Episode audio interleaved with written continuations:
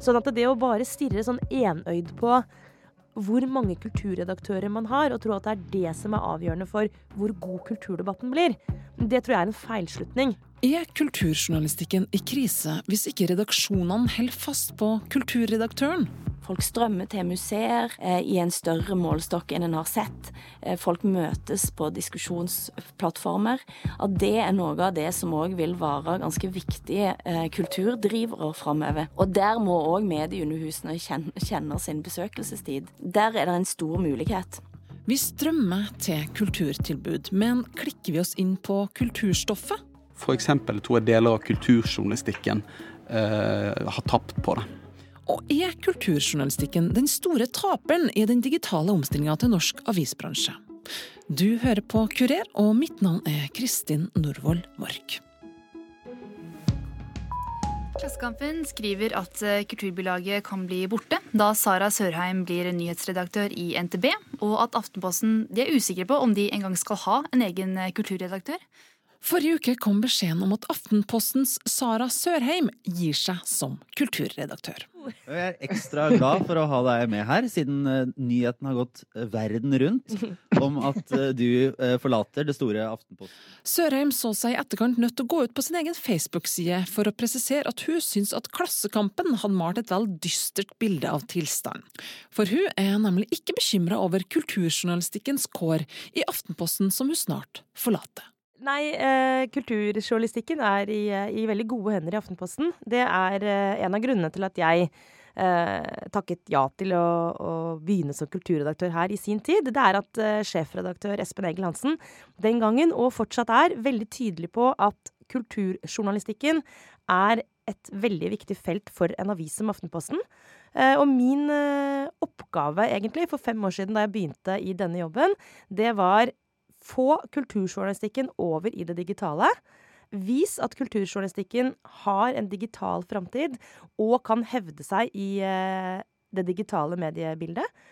Og eh, vi er ikke ferdig med den jobben, men jeg vil si at eh, disse årene har vist at det er mulig å få til. Det er en del journalistikk som jeg tror det var vanskelig å liksom, skape det engasjementet rundt og folk å lese, som jeg tror redaksjoner valgte bort i stedet for å prøve å jobbe med det. Og prøve å utvikle og se hva kan du gjøre for å få folk til å lese eh, denne journalistikken. Så det, det, tror jeg, og der tror jeg det er noen områder av journalistikken som kanskje er hardere rammet av det enn andre. Og f.eks. tror jeg deler av kulturjournalistikken eh, har tapt på det. Da vi i Kurer for et par uker siden spurte ansvarlig redaktør i VG, Gard Steiro, om hvilke redaksjoner som har tapt mest på den digitale omveltninga i norsk avisbransje, tok det ikke lang tid før han trakk fram kulturjournalistikken. Hva tenker Sørheim om det utsagnet? Jeg lurer på om det begynner å bli utdatert, rett og slett. Fordi eh, det er helt riktig at ved overgangen til det digitale så så vi at det var en del områder innenfor eh, journalistikken som ikke fikk like mye klikk som andre. Altså, det er liksom åpenbart at smalere felter hadde problemer den gangen helt i starten med å hevde seg når du målte digital suksess utelukkende i hvor mange som klikket seg inn på saken. Men sånn er det ikke lenger. Nå har vi i Aftenposten og i flere andre aviser utviklet den måten vi måler ulike sakers eh, suksess på, da, om du vil. Eh, og det vi ser, det er at i en økonomi som er annonsedrevet, er det fortsatt viktig med saker som treffer mange lesere, som får mange klikk. Men for en abonnementsavis som Aftenposten, vi lever av brukerbetaling. Vi lever av at uh, våre abonnenter betaler for uh, å lese sakene våre. Der ser vi jo at kulturjournalistikken er et av de feltene som konverterer flest abonnenter. Og konverterer er et sånt kodeord vi bruker i, i, eh, i, denne bransjen, men det betyr rett og slett at vi kan måle hvilke saker som får folk til å bli abonnenter. Og det handler om en helt annen logikk enn det med antall klikk. Det handler om hvilken type journalistikk er du villig til å betale for. Hva er det du får her som er unikt, som er av høy kvalitet, eh, som du ikke får andre steder, og som du ikke får liksom eh, eh, fullt opp av når du går inn på Facebook-feeden din. Og da ser vi at kulturjournalistikk er et av de områdene som hevder seg aller best. Det er en veldig god nyhet, for det betyr at det også kommersielt er sannsynligvis riktig av en viss type aviser å satse tungt på kulturjournalistikken.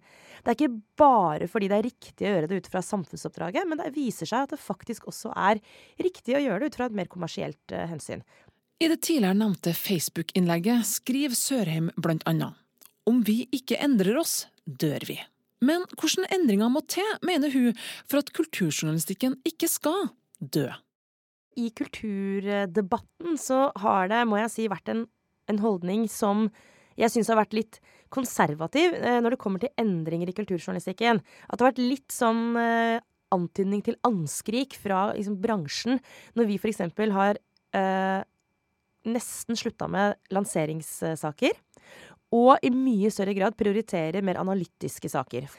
Til det vil jeg bare si at hvis ikke kulturjournalistikken hadde endret seg i innhold, så tror jeg faktisk at uh, vi hadde risikert å nesten miste hele det feltet. Fordi lesernes behov har endret seg. Kravene som leserne stiller til journalistikken, har blitt mye høyere. Og det er ikke lenger sånn at det er nok uh, å bare fortelle at noe skjer. Kulturjournalistikken kan ikke lenger bare være Eller handle om at i kveld er det en konsert. Men vi må fortelle hvorfor uh, noe skjer, og konsekvensene av at noe skjer. Og det gjelder jo all journalistikk, ikke bare kulturjournalistikken, men det skrittet må man ta. Så det er punkt én. Man må lage bedre innhold som er mer gjennomarbeida. Og så, det andre poenget er jo at man også i mye større grad må sette seg ned og forestille seg hva som er lesernes behov. Eksempel på anmelderiet så ser vi i Aftenposten at én og én bokanmeldelse på et sånt tilfeldig tidspunkt kan være vanskelig å, å rett og slett eh, få frem til leserne våre. Folk får det ikke med seg engang. Men hvis vi lager en skikkelig gjennomgang, hvis vi samler anmeldelsene våre i en pakke og tilbyr det på et riktig tidspunkt, så ser vi at det, vil leserne ha. Det betaler folk gjerne for å få. Um, og det handler om å tilpasse innholdet til leserne i litt større grad. Vi kan ikke lenger ta for gitt at de bare kommer til oss. Klassekampen trekker fram Stavanger Aftenblad og Adresseavisa som store aviser uten egen kulturredaktør.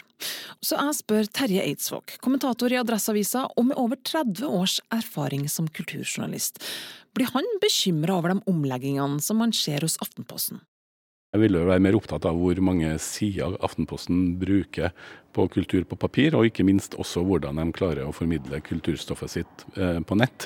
For det er nok eh, digitalt eh, en stor del av utfordringa ligger. Ja, Adresseavisen hadde jo et eget kulturbilag for noen år tilbake, nå har vi ikke det. Men Det handler jo om hvordan, hvordan papirproduktet utvikle seg. Så jeg er mer, mer opptatt av hvordan kulturjournalistikken eh, får rom eh, og, og, muligheter. Både, på, både, ikke minst digitalt, men også for så vidt i det som eh, i, de nye eller de gjenværende papiravisene. Men jeg tror der også at det er litt for gammeldags å se seg blind på, på bilag og titler, men at det er eh, omfanget, eh, journalistiske kraften og kapasiteten, og ikke minst også hvordan stoffet er vurdert sammenligna med andre stoffområder i avisa. Og Der er det nok grunn til en, en, viss bekymring for kulturstoffet, det vil jeg være så ærlig å si.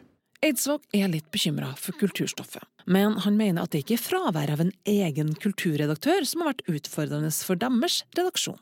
Vi har merka det mye mer at uh, antall kulturjournalister er uh, sannsynligvis på under det halve nå, eh, sammenligna med hva det var eh, si før 2007-2008. Eh, det er nok mye mer merkbart for både for de som leser aviser og de som eh, jobber med, jobber med kultur. Eh, og så er det også veldig merkbart at den viktige delen av rekruttering til norsk journalistikk, nemlig å, å plukke opp og gi gode stemmer som er i stand til å skrive gode anmeldelser og ta miljøet på pulsen. Mange av de sentrale norske kommentatorene i dag har jo enten bakgrunn fra politikk eller musikkjournalistikk, eh, sånn det ser ut for meg. Og at man har eh, kanskje slutta å få inn talenter på den måten i like stor grad som før, det bekymrer meg mer enn om hvorvidt tittelen kulturredaktør er her eller der. Og en av dem som merker at Adresseavisa har litt færre folk å ta av, er Marit Kristine Flåtter, redaktør i nettmagasinet Arts in Trondheim, som skriver om samtidskunst. Vi opplever jo f.eks. at når vi har saker som vi spiller inn til adresser eller eh, andre aviser, så har de ikke nok folk på jobb, f.eks. Eh, og de sier at sakene er veldig interessante, de skulle gjerne ha fulgt dem opp, og de har sagt det liksom gjentatte ganger. Men, men, de er veldig sårbare eh, på dekninga av kulturjournalistikk når de ikke har kompetansen inn, og ikke har noen som kan erstatte dem som er på et eller annet vakt. Det passer ikke vaktskiftet deres, f.eks.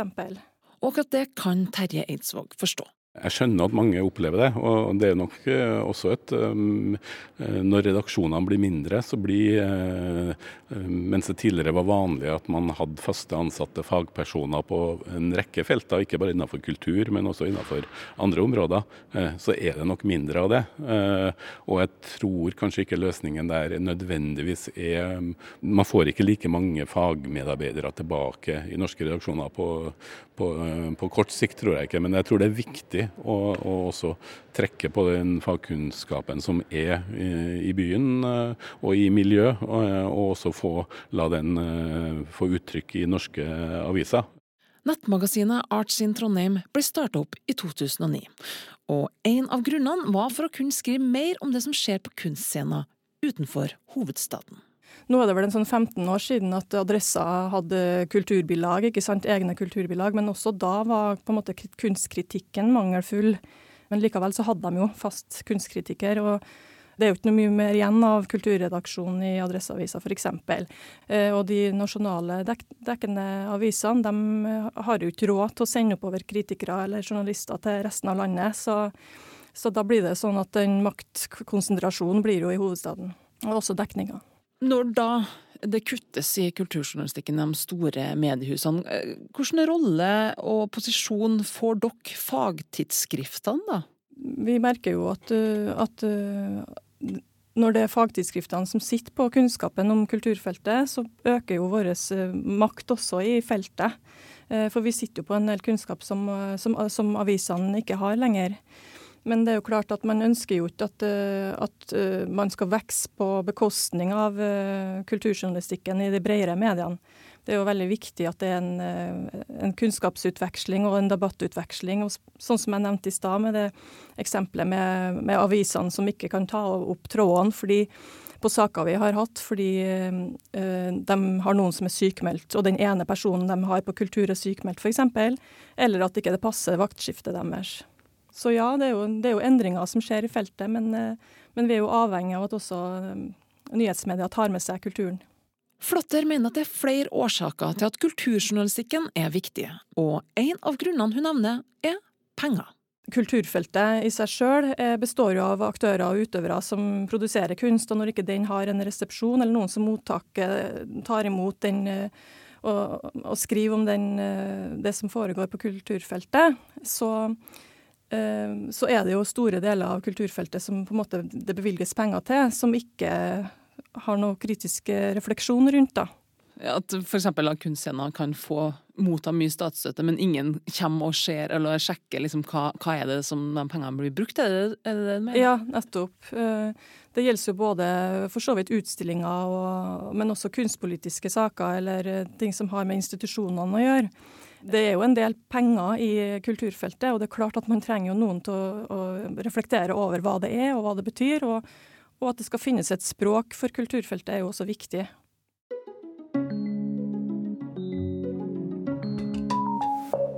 Når jeg da gikk ut av huset, hadde, eh, fikk med meg sluttpakke på vei ut, så var det noe med å si at da skal ikke det erstattes.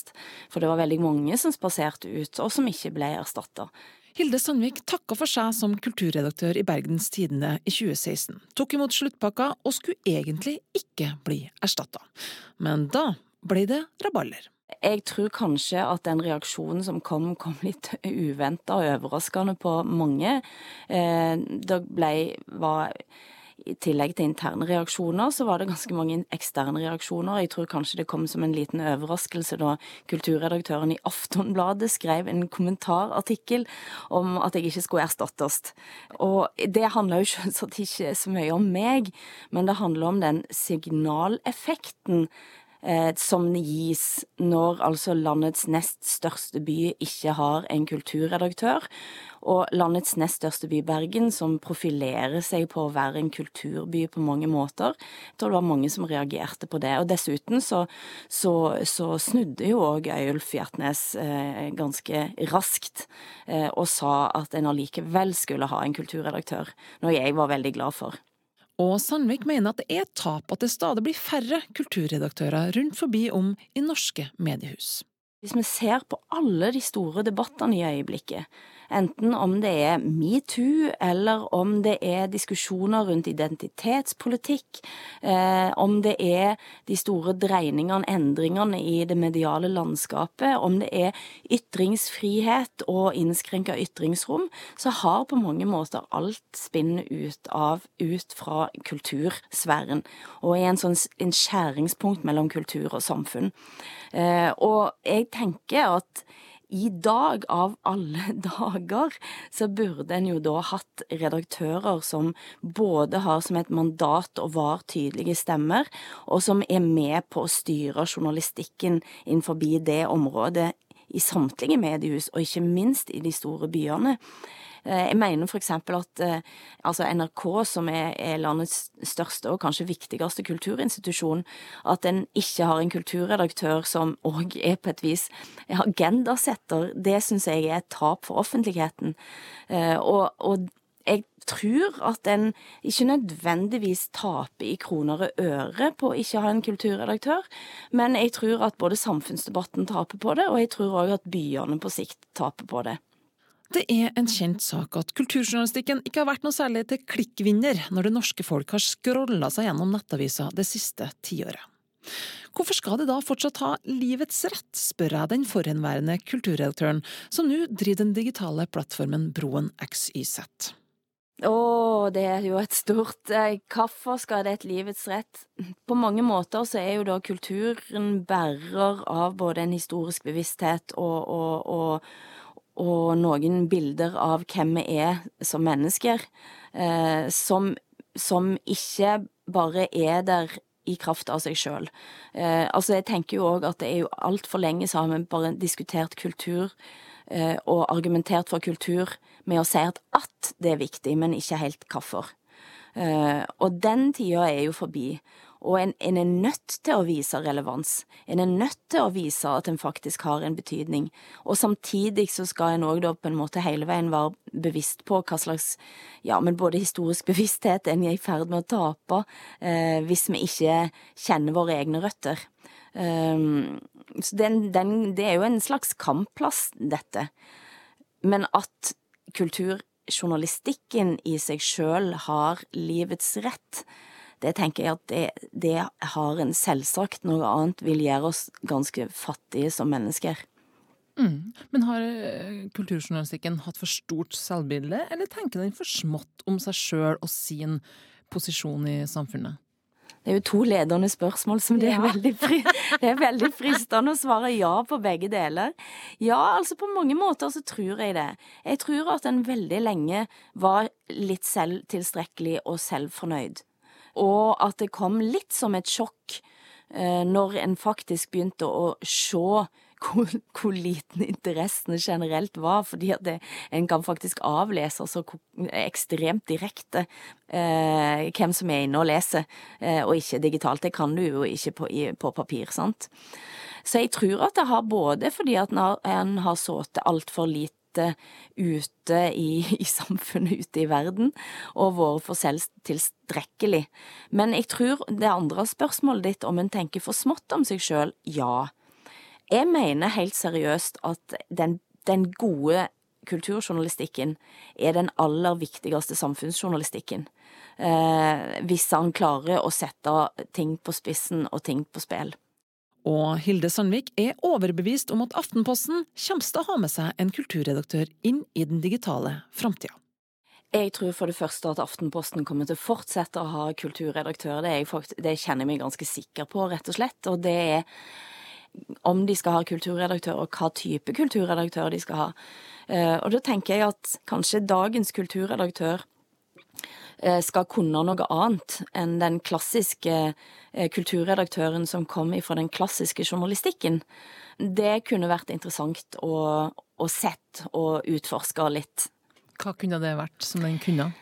Nei, altså jeg tenker altså Noen som, altså, som kommer med, med en, en, annen type politisk bakgrunn, en annen type akademisk bakgrunn, men som eh, viser seg å ha både evne og, og trekke linjer og, og, kunne være ute i offentlig debatt. Eh, ikke minst kunne formulere seg, enten skriftlig eller muntlig. Jeg tror eh, disse medielederrollene har blitt mer og mer administrative. Eh, som gjør at det er kanskje mange som trekker seg litt unna, fordi det har veldig stor grad handla om å rasjonalisere og, og, og bygge ned. Eh, gjøre ting med mindre ressurser, snu og vende på kroner og sånt. Og det er jo veldig viktig arbeid. Eh, men jeg tenker at den, altså, dagens kulturredaktør kanskje nettopp skulle ha gjort noe annet og vært noe annet.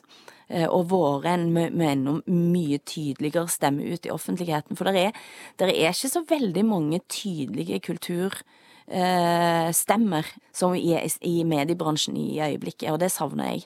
Avtroppende kulturredaktør i Aftenposten, Sara Sørheim, mener at vi ikke bør henge oss for mye opp i titler. Ja, jeg er enig med Hilde Sandvik i at kulturjournalistikken også bør inneholde klare og tydelige stemmer. Og at eh, redaksjonene bør dyrke frem eh, stemmer som kan løfte debatter, sette i gang debatter, som kan forklare og analysere, og som kan eh, til og med provosere litt. Der er vi helt enige. Jeg er usikker på om det er kulturredaktøren som eh, skal gjøre den jobben. Jeg er vel så opptatt av å legge til rette for flere stemmer.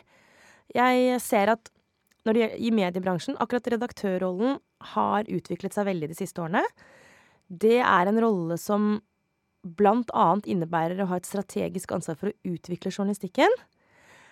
Og ha et ansvar for å sørge for et mangfold i hvilke type stemmer som kommer til uttrykk i avisen vår. Og eh, de siste årene har jo vist at vi har nok levd litt i en boble. Altså det er mange stemmer i både vårt samfunn og internasjonalt som aldri blir hørt. Så jeg er egentlig mer opptatt av å legge til rette for å bygge opp flere stemmer. Eh, sørge for at kulturjournalistikken inneholder et mangfold av ulike meninger og eh, ståsteder. Enn at akkurat jeg skal være så mye ute i debatten, eller at akkurat kulturredaktøren selv eh, er den som skal nødvendigvis føre den samtalen, da.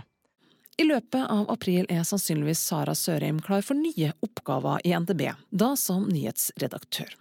Men kommer hun til å savne kulturjournalistikken, lurer jeg på ja, ja. Jeg kommer til å savne kulturjournalistikken, fordi uh, det er jo en grunn til at jeg har holdt på med det hele livet mitt, omtrent. Hele yrkeslivet, i hvert fall. Og det er jo fordi jeg mener at i kulturjournalistikken så kan du gjøre alt. Altså det er det mest åpne feltet. Uh, og det er det mest søkende feltet. Og i en sånn ganske komplisert uh, tid som vi lever i, med en ganske krevende offentlig samtale, så tenker jeg at i kulturjournalistikken så kan man virkelig Kanskje liksom sammen prøve å finne fram til litt sånn ordentlig Altså, du kan på en måte ha rom for en samtale som inneholder nyanser, da. Sant? Og det, det syns jeg bare er en sånn akutt mangelvare i, uh, i, mye av det vi ser i ellers offentlig debatt. Ting har blitt veldig polarisert og veldig hardt. Veldig unyansert. Og da tenker jeg liksom at innenfor kulturjournalistikken så kanskje du kan likevel holde det rommet åpent da, for en litt mer nyansert samtale. Så, og det, det, mener jeg helt sånn er en kjempemulighet som vi innimellom har klart å utnytte i Aftenposten, men som det fortsatt er eh, altså, Det er fortsatt mye å hente der, da.